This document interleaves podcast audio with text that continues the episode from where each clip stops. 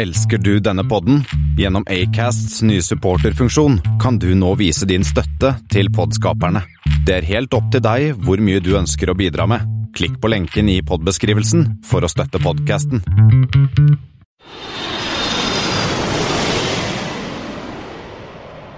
Velkommen om bord på Flypodden, Norges eneste podkast for fly og luftfart. De som sitter her i dag og skravler, er jo som vanlig Thomas Lone og Kristian Kammer. Ja, og når vi spiller inn denne podden her, så er det 14. mars. Og vi har kommet til flight 006.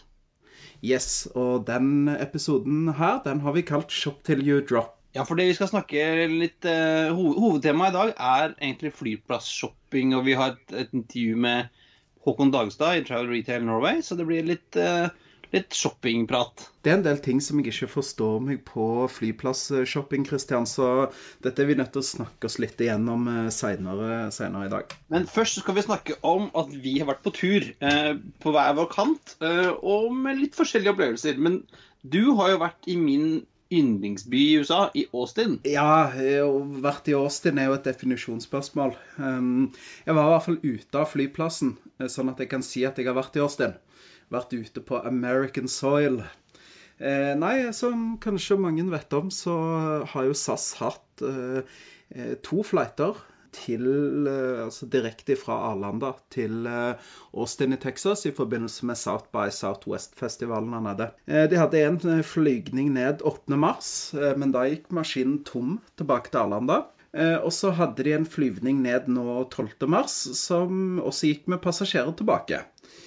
Og der var vi en god gjeng, god, god gjeng som var med og tok den rundturen der. Ja, for det var jo, selv de fleste på flyet skulle jo på South Southwest. Jeg har mange venner av meg og tidligere kolleger som skulle over, og, og jeg ser masse bilder fra interessante ting de er på. Men dere dro jo bare for å, å fylle opp bonuskontoen? Ja, primært kan du si. Altså, dro jo man for det. men for meg så var det like mye for å få en ny flyplass under beltet og gjøre noe som var litt uh, crazy.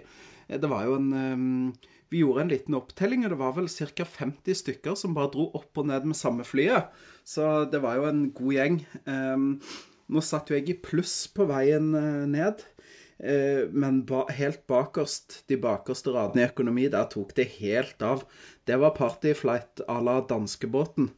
Det, det, var svensker som var så indisponerte at uh, noen av de visste ikke hvor de skulle gjøre av seg. Og når du kobler det sammen med et uh, jentepunk-band uh, og masse diamonds som kan dele ut gratis alkohol i søkk og kav, så ble det jo skandale bak der. Det var jo titty-flashing og toe-licking, og det var det ene med det andre. Så det var um, Jeg tror crewet var ganske fornøyd når man landa i, i Austin, og de kunne fortjent ta og stemple ut fra den flighten der, altså. Ja, de, de, som trodde det skulle være nice and quiet, siden den, denne flighten går jo under uh, kallenavnet The Nerdbird. Ja, de så feil kunne man ta. Det var litt morsomt. Jeg satt ved siden av et amerikansk par, da. Og de, det viser seg at når man kjøper Volvo i USA, så er jo det litt sånn luxury brand og sånn, da.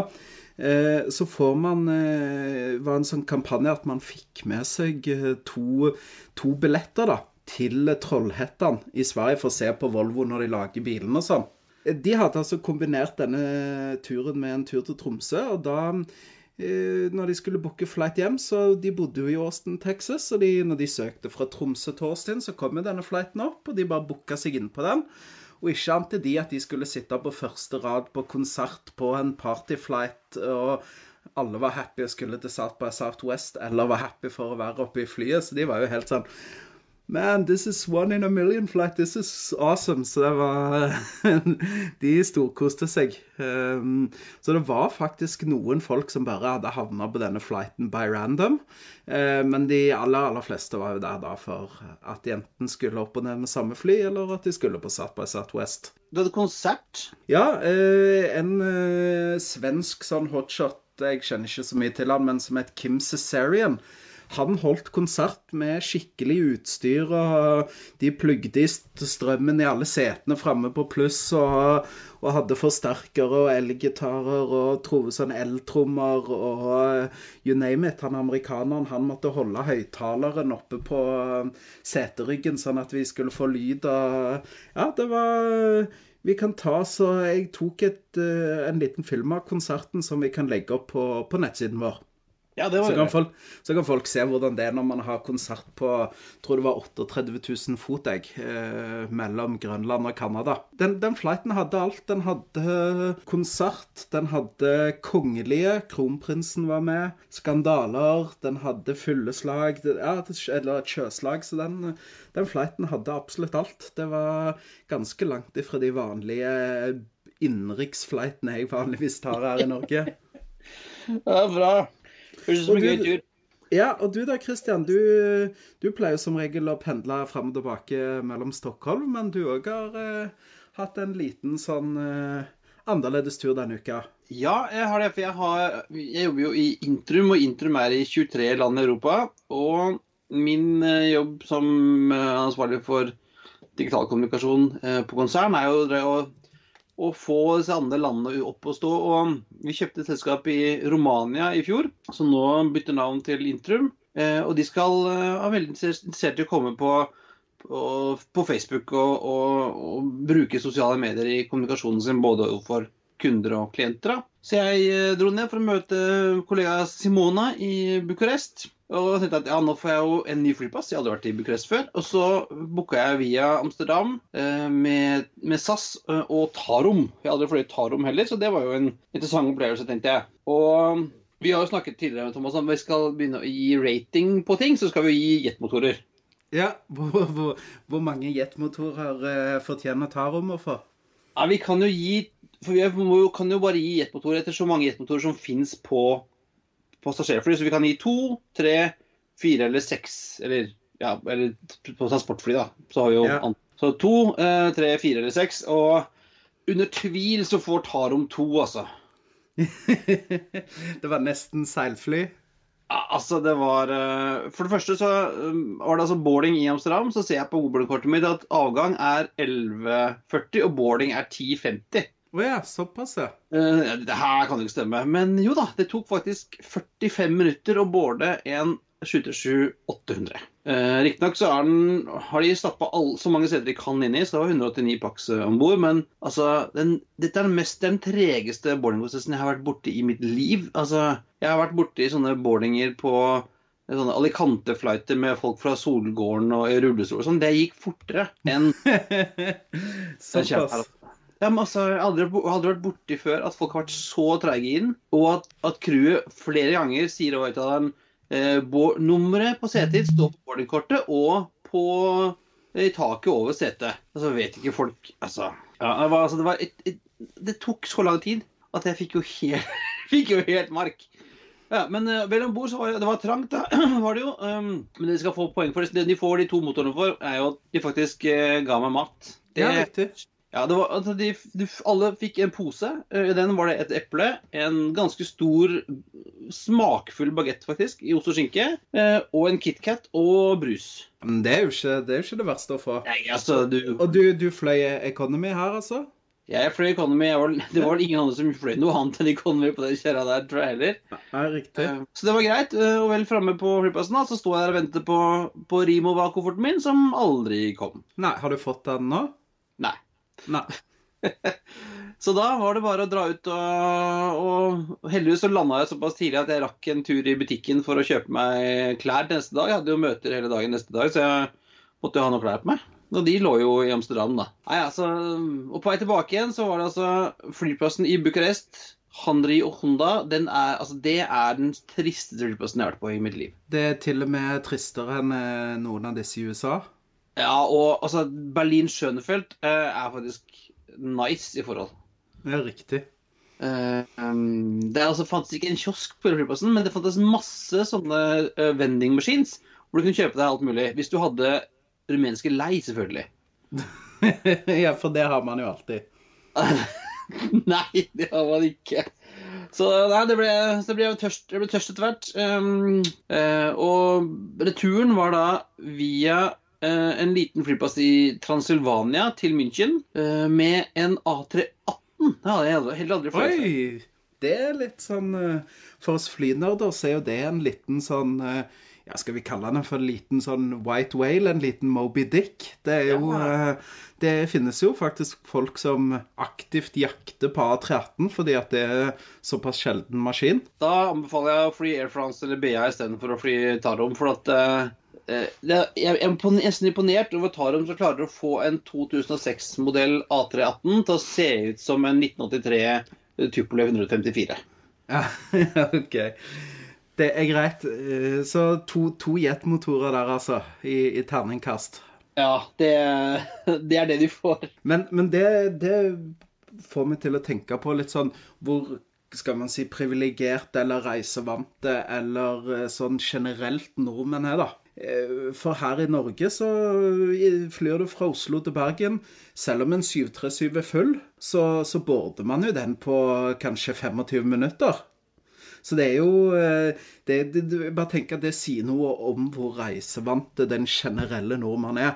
En ting er sånn som oss som har på en måte mm, reiser mange ganger i uka eller én til to ganger i uka. Men eh, den generelle nordmannen er ganske reisevant. Og da det type, ja, sånn som boarding og check-in-prosess og den type ting. Sikkerhetskontroll, ikke minst. Det går veldig greit, selv om det føles veldig tregt når du sitter der. Men eh, ja, da har man da får man bare tenke på Tarom og hvor lang tid det tar. Nemlig.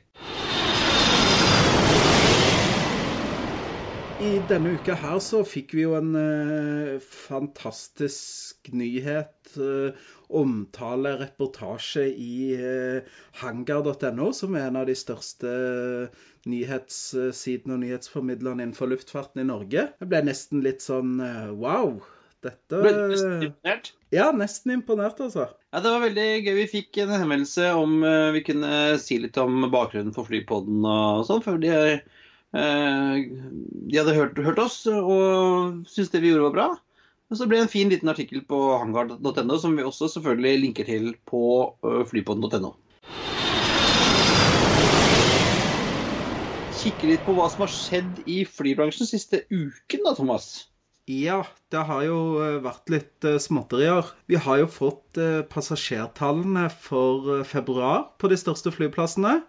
Oslo lufthavn klokka inn 1,97 millioner passasjerer um, i februar. Det er, en, det er 10 000 mer enn København, men danske medier sto det at Oslo lufthavn har midlertidig forbigått uh, København som den største flyplassen i Norden. Ja, det tipper jeg nok er ganske midlertidig òg, for det, vinterferien i år uh, var jo i februar, og da vet man jo hvor uh, godt trøkket blir opp på OSL, så det bidrar vel godt til, den, til det passasjertallet for, for OSL i februar. Ja, det var en økning på 3,7% som eh, nok henger litt sammen med vinterferien og mye større fly. Og, og mange av de andre utenlandske selskapene setter jo inn litt større maskiner på, på Oslo lufthavn i februar. Så det, eh, folk skal jo på tur. Um, og selv om det er mindre forretningstrafikk i vinterferien, så er det veldig mye ferie, ferietrafikk. Både innland og ikke minst utland.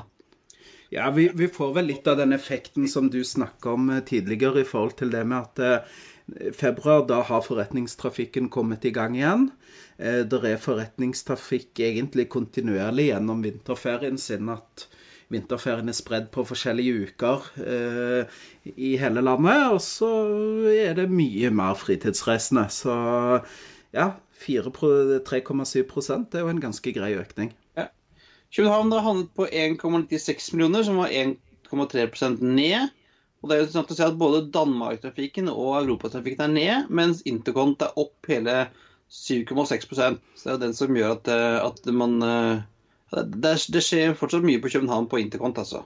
Arlanda uh, på en fin tredjeplass på 1,93 millioner passasjerer, ned 1 uh, Og Helsinki på fjerdeplass som vanlig med 1,48 millioner passasjerer. Og fortsatt en en formidabel vekst, altså. 11,8 eh, vekst.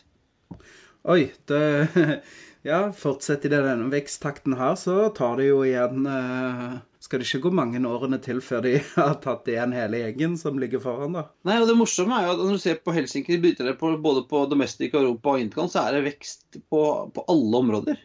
Ja, og så tenker du at den intercont eh, fra Helsinki er jo på en måte Den vet vi jo skal opp i forhold til all den kapasiteten som Finner fase inn. Eh, Så det er på en måte ingen overraskelse. Men det at de øker både på europatrafikken, som kan være en naturlig grunn i forhold til at de også øker på interkonto, at, at de kommer med feed, eh, så, så at de øker så sterkt over hele linja, det, det syns jeg er både oppsiktsvekkende og imponerende. Ja, jeg, prøver, jeg skal prøve å få tak i noen eh, enten på Finn eller på Finnaven. Jeg skal over til eh, Helsinki i april, for det er gøy å høre litt om hvordan de tenker og hvordan de eh, forklarer denne kjempe, fortsatt gode veksten. altså. Jeg gleder meg til å høre det intervjuet på finsk. Du vet, min, jeg, jeg pleier å imponere mine finske kolleger med å, med å dra med den eneste regla jeg kan på, på finsk, det er jo esapetta. Som betyr Må ikke overdekkes, stå på alle ovner.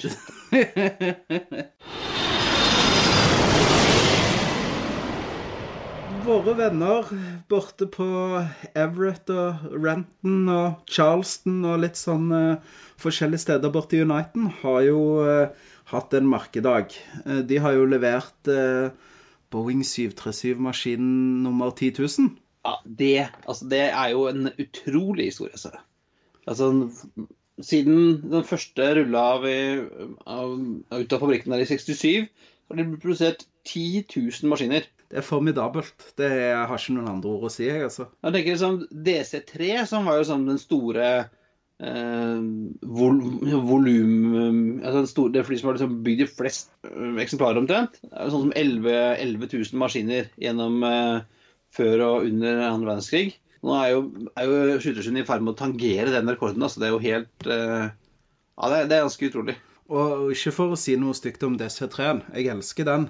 Men i forhold til en 737, både systemmessig og ja, flymessig og alt mulig, så er det jo en blikkboks i forskjell. Altså, man kunne jo bygge en, en DC3 av, av to plater aluminium og litt eh, En totaktsmotor, nesten. Altså, så, så det at de har bygd 10 000 737-er Ja, det, det er imponerende.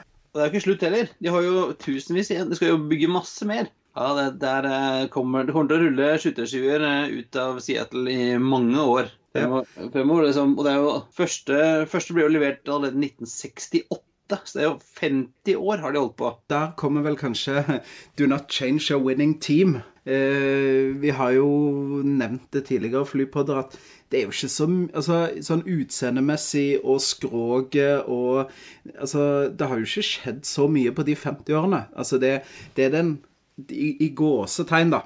Den samme maskinen som det var for 50 år siden. Og så har det kommet nye motorer, og det har kommet winglets, og det har kommet uh, litt sånn småtterier på vingekonstruksjoner etc., etc. Men uh, base modelen, altså basemodellen, er jo den samme som det var for 50 år siden. Ja, og kroppen er jo bygd på 707, som kom på, på 50-tallet, så det er jo enda så, Ja. Langt tilbake, altså. Men jeg, jeg så et, eh, et klipp fra Boeing hvor, når, de gjorde, når de gjorde den eh, rollouten av nummer 10 000. Da var det faktisk en fyr som hadde vært med å bygge den aller første. Jeg har regnet med at det var ikke noen ungdom lenger. Nei, han var en voksen eh, mann. Eh, og så var det også en av disse sjefene som, eh, som holdt en tale der. Han sa han kom med en ganske Ja, han kom mye, mye bra statistikk, men den ene han sa, var at i løpet av disse 50 årene så har 23 milliarder flypassasjerer reist med 737. 23 milliarder, ja. Det er jo eh, over tre ganger eh, jordens befolkning som har reist med en 737. Og jeg, tenker, jeg har jo også reist, jeg har reist mye med 737. Kanskje det, jeg har reist mye med DC9 og sånn også, men jeg tror kanskje 737 er det jeg har reist mest med. Og har som hatt de, mest, eh, de største opplevelsene. Jeg har vært med på Birdstrike i Bergen. Jeg har vært med på med 737. Jeg har opplevd å fly Lufthansa fra Frankfurt til Oslo, og vi fikk sprekk i cockpit-vinduet, måtte ned i Hamburg og greier. Så det er mye, mye spennende med 737, altså. Det er jo en eh, Kanskje ikke verdens mest spennende og mest elegante maskin, men den er en arbeidshest uten like.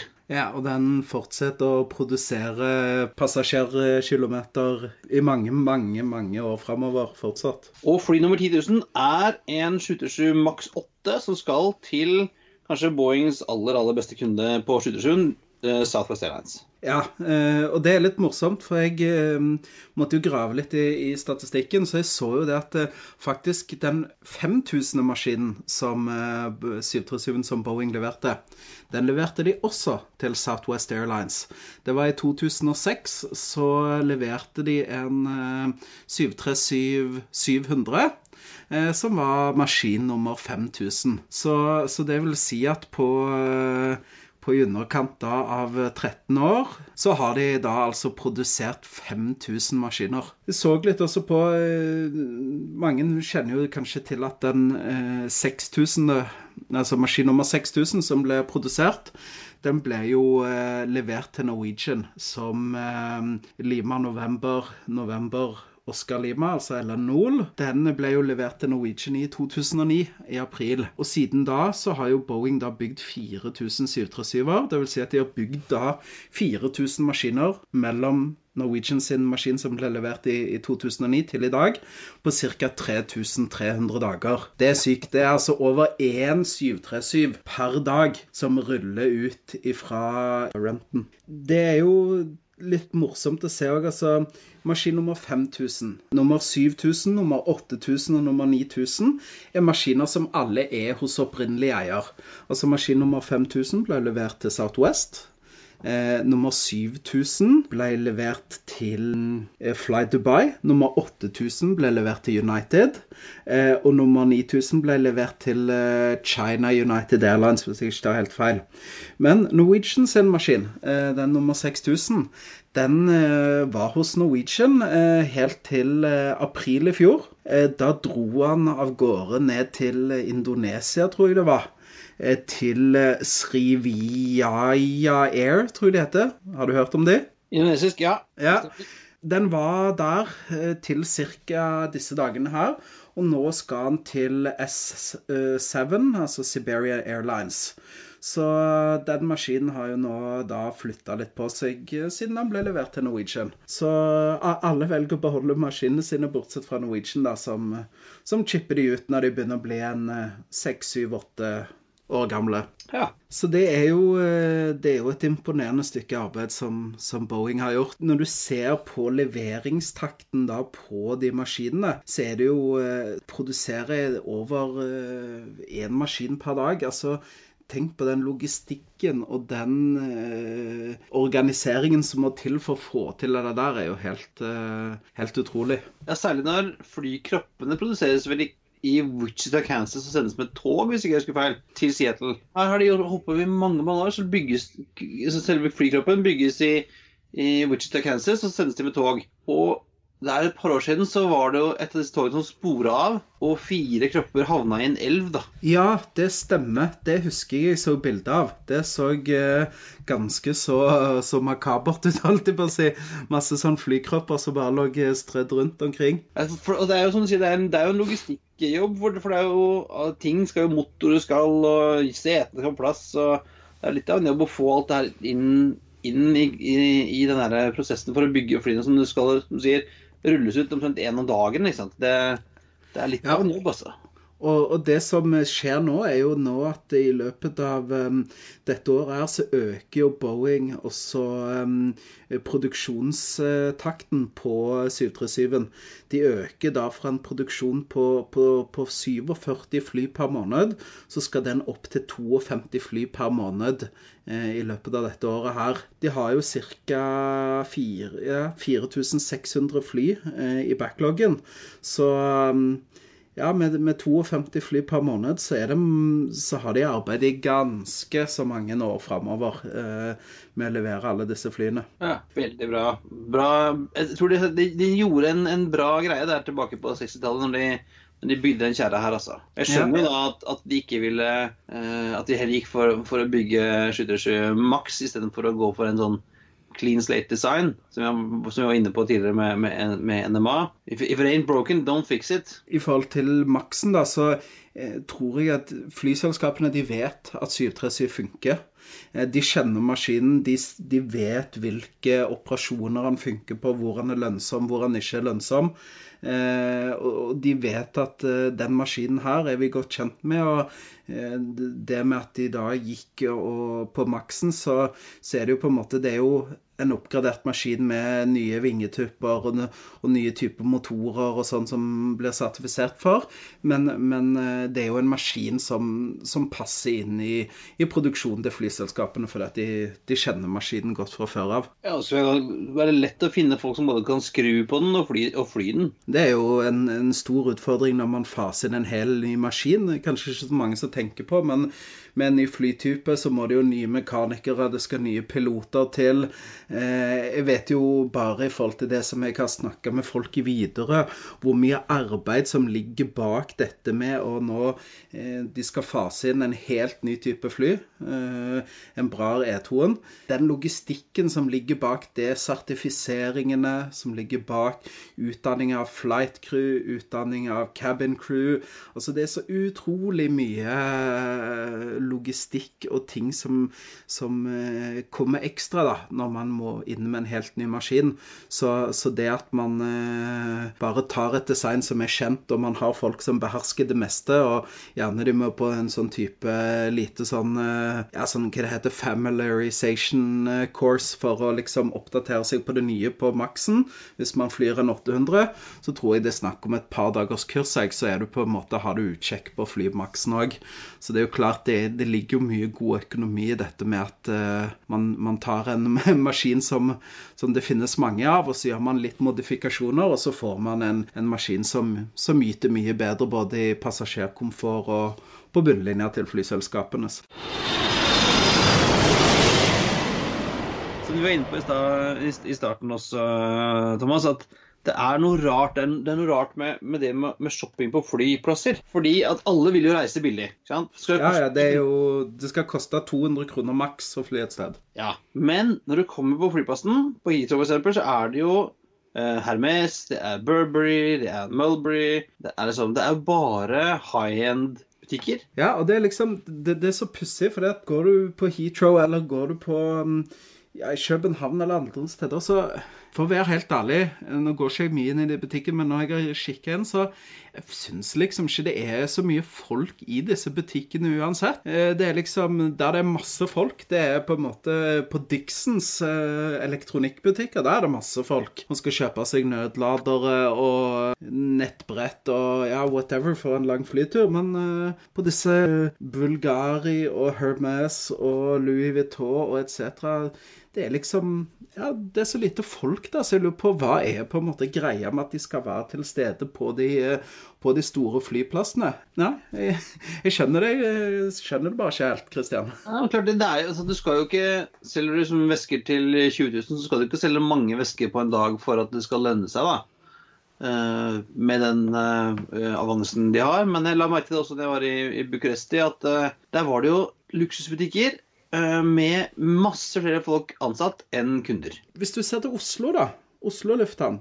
Der er ikke det så dominerende. Nei, du har jo fått en del eh, litt, litt klesbutikker nå også, som er jo litt Jeg vil si på at de er ganske high end, altså. Jo da, jo da men, Det er jo ikke, det er jo ikke, det er jo ikke de helt Det er liksom ikke de Det er jo ikke sånn Bottega og de helt crazy dyrebutikkene. Det er det ikke. Nei, altså hvis jeg skal i et møte og, som er viktig, og søle kaffe på skjorta mi idet jeg sitter i loungen, og jeg tenker at dette var helt idiotisk, og jeg løper ned og kjøper meg en skjorte, så er det ikke sånn OK, jeg tenker ja ja, det var litt sure penger, men det er ikke sånn at eh, jeg må komme hjem til familien og si beklage, beklage kone og unger.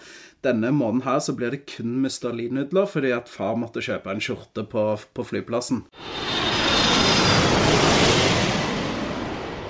Ja, eh, og vi har vært så heldige at vi har fått snakke med eh, Håkon Dagestad, som er kommunikasjonssjef i Travel Retail Norge, som driver taxibutikkene på de fem største Avinor-flyplassene. Og han har jo litt eh, innsikt til oss bl.a. på hvem som handler, hva folk handler, og hvor mye penger taxfree-en bidrar til i norske flyplasser. Skal vi høre på det intervjuet, eller? Ja, det gjør vi. Da sitter jeg her med selveste Håkon Dagestad. Og du, Håkon, hva er, hva er din jobb? Jeg er eh, kommunikasjonssjef i Travel Retail Norway. Det er vi som driver eh, taxfree-butikker og litt andre butikker eh, på Avinors fem største flyplasser.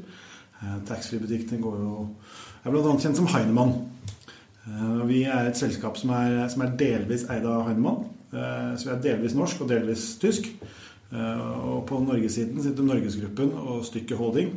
Og så er det Heinemann. Så vi har drevet taxfree-butikker siden 2004.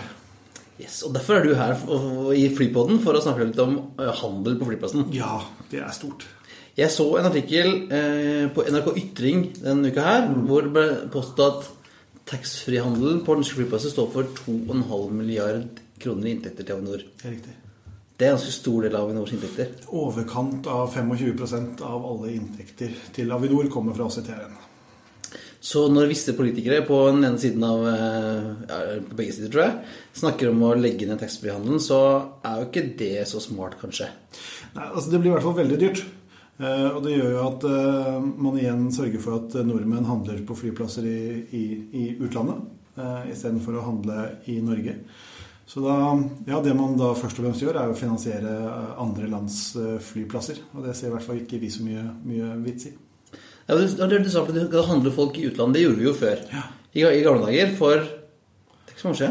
Nei, altså Da vi tok over Da, da vi fikk ankomstbutikk i 2005, så tror jeg taxfree på Kastrup var rundt 3 milliarder. Den er nå rundt 1. Og det er stort sett nordmenn som i- nå istedenfor handler i Norge istedenfor i Danmark. Ja, for det ser jeg også på Arlanda. Det er sånn egen sånn skilt hvor det står 'For norske reisende'. eller. Eh, For de sammenligner med våre priser, og de har egne snus, snus for, for nordmenn. Ja. Altså, vi bruker jo for oss, eh, for oss er jo disse varene billige, ikke sant? For dansker og svensker så er ikke tobakk og sigaretter kjempedyrt eh, på, på, på, på kiosken. Men for oss er det det. Eh, og derfor så er vi veldig gode taxfree-kunder. Ja, for det svensker og sånn, og dansker som jobber sammen mye, de skjønner ikke hvorfor vi handler på taxfree. For det, ja, det er jo jettedyrt. Ja. Eh, så, så, men hva, hva kjøper nordmenn egentlig? Er det sprit og røyk? Nei, altså um, alkohol er ca. 36 av omsetningen. Så er parfyme og kosmetikk 20-ish, tobakk 20-ish, og sukkervarer ja, rundt sånn 14-15. Eh, så det er jo det er en god blanding. Eh, men når vi lander, da kjøper vi alkohol. Ja. Eh, og når vi reiser, da kjøper vi parfyme og kosmetikk. Og snop. Og snop. Det skal, mine barn skal alltid innom taxien og handle snop på Ja. vei ut. Ja. Så det er, det er, det er snop og parfymekosmetikk, og parfymekosmetikk på avgang står for over 50% av omsetningen.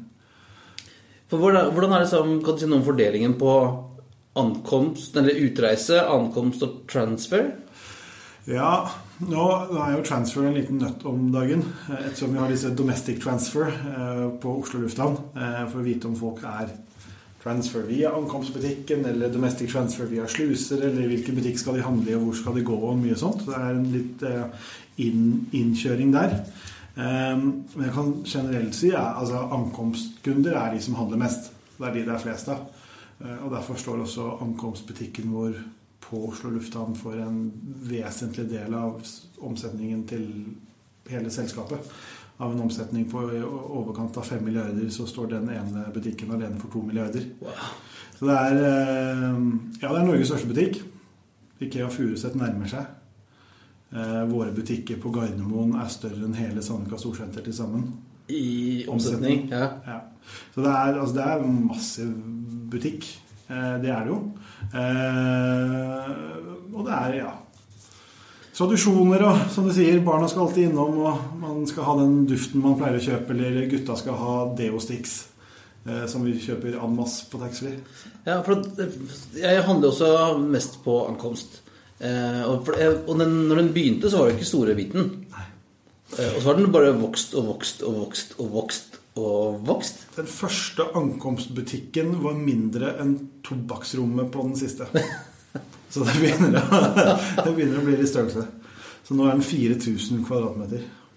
Men det, altså for dagens drift så er den jo for stor. Eh, Uhensiktsmessig stor. Eh, Men den er jo bygd for framtiden. Den forrige ble veldig trang. Og det Ja, vi at det ja. vi vil ikke at denne skal, skal, skal bli det. Og den syns jeg liksom du utvida hver gang. Omtrent hver gang jeg kom tilbake, så ble den utvida. Ja, vi måtte det. Eh, mens nå, nå er vi liksom Nå skal vi ha bygd stort nok, da. Og den er jo fin. Takk. Eh, selv om jeg pleier å bare snuse rett forbi. For jeg kjøper jo de fleste gangene på, på er det? klikk og hent. Ja. Og det er jo eh, Ved siden av eh, automatisk backdrop, så er jo og hent kanskje Gardermoens eh, mest eh, best kjente hemmelighet. Ja, vi er eh, Vi har jo utviklet og utviklet tjenesten. Nå er vi skikkelig fornøyd. Eh, Så i denne uken lanserer vi kampanje. Eh, Nå kan vi endelig begynne å markedsføre. Eh, Så det er, det er veldig moro. Eh, Så nå er det hele varesortimentet vårt er der. 15 000 varer. Bare å bestille, og posen står klar når du kommer. Det går kjemperaskt.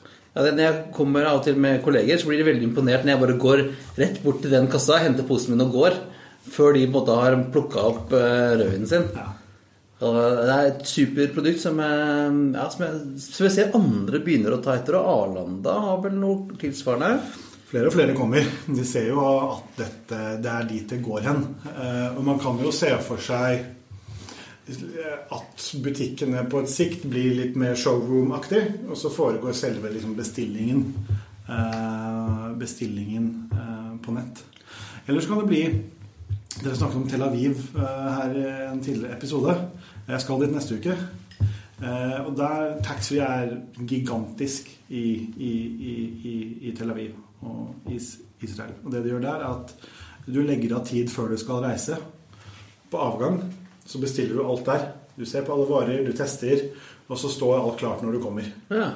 Eh, og det er jo flere som ser til, til Tel Aviv og hvordan de driver. Om det er en måte Fordi når du lander, så har du dårlig tid. Når du skal reise, har de fleste, i hvert fall når du er på ferie, litt bedre tid. Eh, og hvis man da kan bruke den muligheten til å selge deg litt ekstra, så det er det mange mange som ser på. Kan jeg Egentlig så kunne jeg vel kanskje få den Eller kan jeg få den levert hjem òg? Eller er det, blir det veldig vanskelig sånn uh, Juridisk klarer vi ikke det. Ja. Uh, fordi du må gå gjennom tollfilteret selv på grønn eller rød sone. Eh, men vi ser på noen muligheter nå for at du plukker opp varen, går gjennom tollfilteret selv, og så leverer det fra deg. Og for eksempel få sendt hjem bagasje og taxfree. Ja, for det hender at noen ganger at jeg bare tenker at nei, jeg orker ikke, for at jeg har så mye å bære på, og jeg gidder ikke, og jeg skal ta tog og buss og alt mulig. Hovedgrunnen dette, Vi måler jo det meste. eh, og hovedgrunnen til å ikke handle er at man ikke orket å bære. Ja, for jeg kan jo ha med hvor mange vinflasker. Altså Hvis du ikke bruker tobakk, Ja. så kan du ha med deg seks. Ja, og det orker jeg sjelden å bære på. Det er nesten ingen som, som, som, som gjør det. Så det er derfor ikke sant, Den såkalte ut, utvidede kvoten er jo ikke riktig. Eh, gjennomsnittshandlekurven har overkant av én flaske vin. Eh, så det, det er litt sånn det er, det er veldig få som kjøper makskvote. Eh, det er det. Fordi det blir mye å bære. Ja. Men da, må vi, da er det jo vår oppgave å komme med tjenester for å hjelpe på det. Ja, for jeg tenker at det jeg tenkte litt på det i går, at jeg tror ikke jeg har kjøpt vin eller sprit for eget forbruk på polet siden jeg begynte å jobbe. Jeg har reist såpass mye i jobben liksom, at jeg har liksom alltid kunnet Ja, fyre på. Uh, og mange ganger så det, Jeg føler meg som en dårlig nordmann, men av og til går jeg forbi uten å kjøpe. Ja. Det er flere og flere som gjør det. Og det er jo altså, Alkoholkonsumet er jo heller ikke sånn Det er jo ganske flatt eller fallende. Uh, og det ser vi også. Folkehelseinstituttet kom, en- kom nylig med tall som viser at eh, taxfrees andel av folk alkoholkonsum er fallende. Eh, og det betyr nok at man enten handler mer på dagligvare, eh, altså øl. Vi ser jo flere og flere har byttet ut vin med øl, og det kan du få på butikken. Dere har jo stadig større utvalg av øl òg. Ja, nå er vi oppe i 72-73 Ja.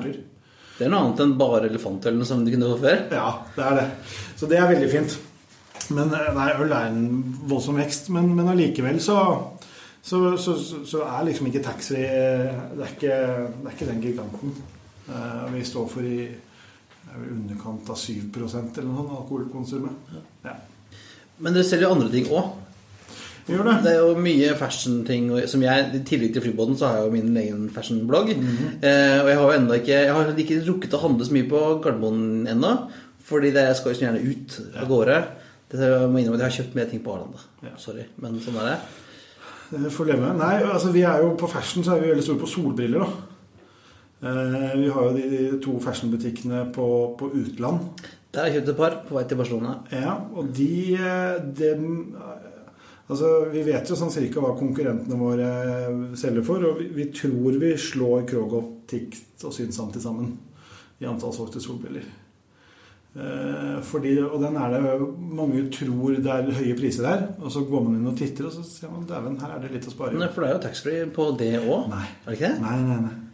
Det er bare partikjøp. Ja. Så det Nei.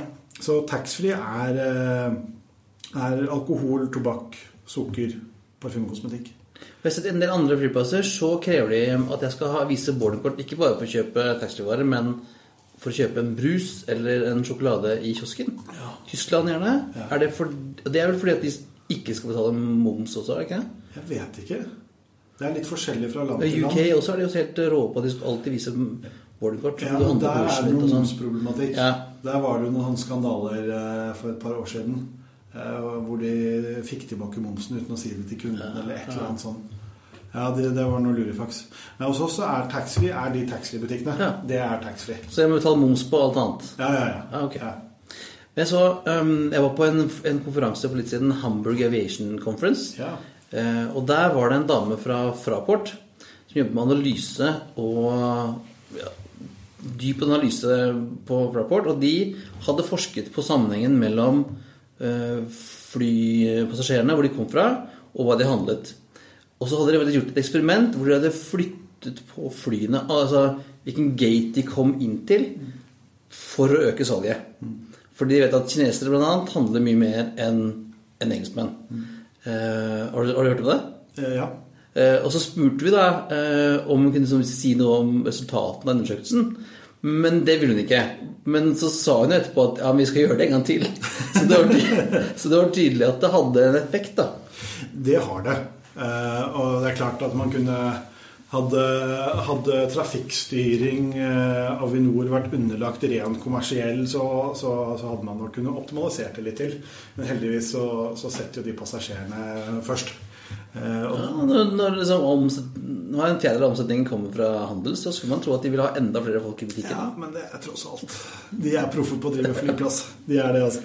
Men nei, altså, vi vet det, er, Om du kommer inn østinngangen eller nordinngangen på ankomstbutikken vår, så er det 130 kroner i forskjell på hvor mye du handler for. Ja. Uh, og hadde vi kunnet tatt charterflyene opp i nord, så hadde vi tjent veldig mye penger enn de kom i øst. Og ja, vi har tall på alt. Men det betyr ikke at det skjer. men, uh, men man kan regne seg fram til det meste. Men jeg har ikke, det finner, dere har ikke noen handleapp? Jeg må som går på nett og bestille hent og klikk-greier. For med en app så kunne jo dere ha fortalt meg når jeg lander ute på gate eh, 48 at eh, ja, du rekker ikke flytoget likevel, så stikk innom oss. Nå har vi tilbud på Toblerone. Det kommer. Ja, bra. Da sier jeg takk for besøket, og um, god handel. Ja, når du hører Dagestad fortelle om hvordan de driver taxfree på OSL og andre flyplasser rundt i Norge, hva tenker du, Christian? Jeg, jeg er jo, for å være helt ærlig, jeg syns jo at taxfree er litt tullete. Ja, der kan jeg faktisk være helt enig med deg.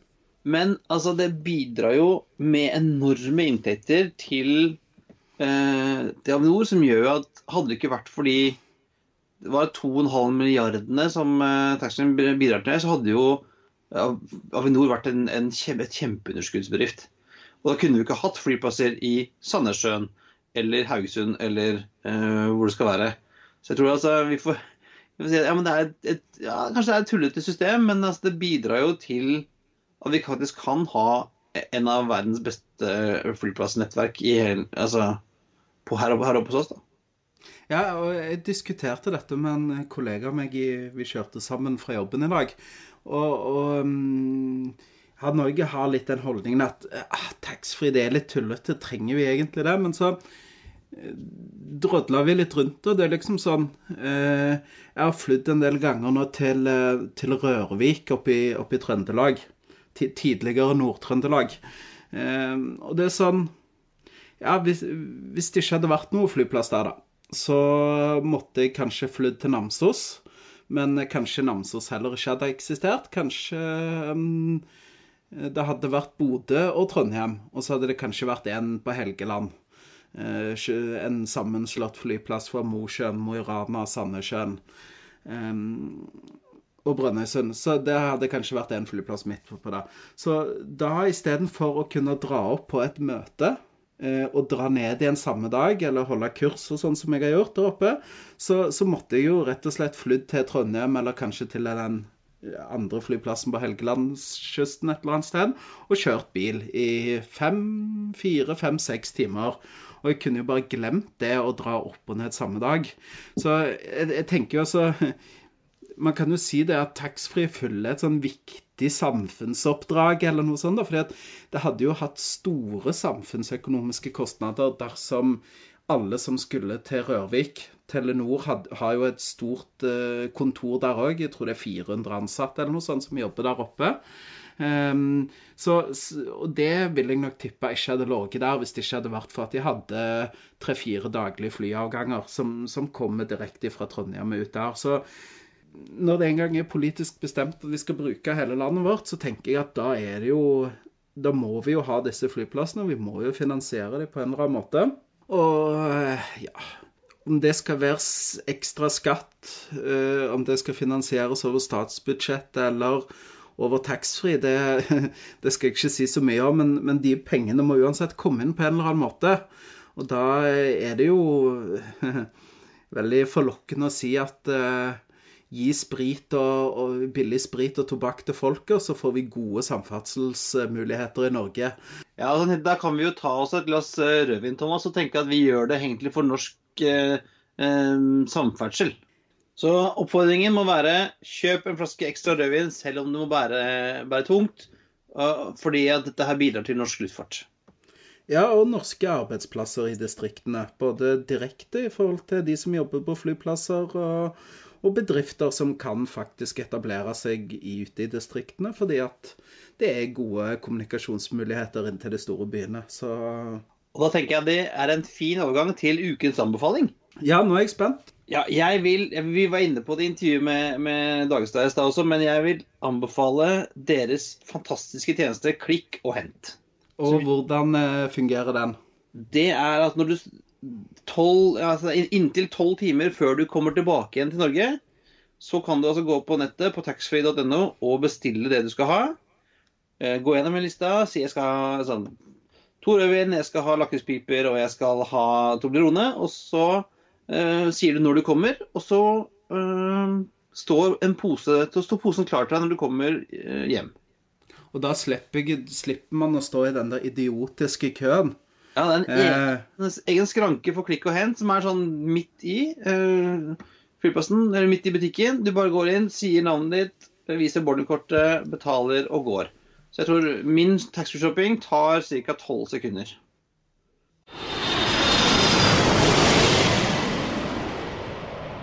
Takk for at du eh, fulgte oss eh, nok en gang eh, på Flypodden. Norges, eh, en av Norges eh, særeste og mest nerdete flypodder, Thomas. Vi må kan vel si det?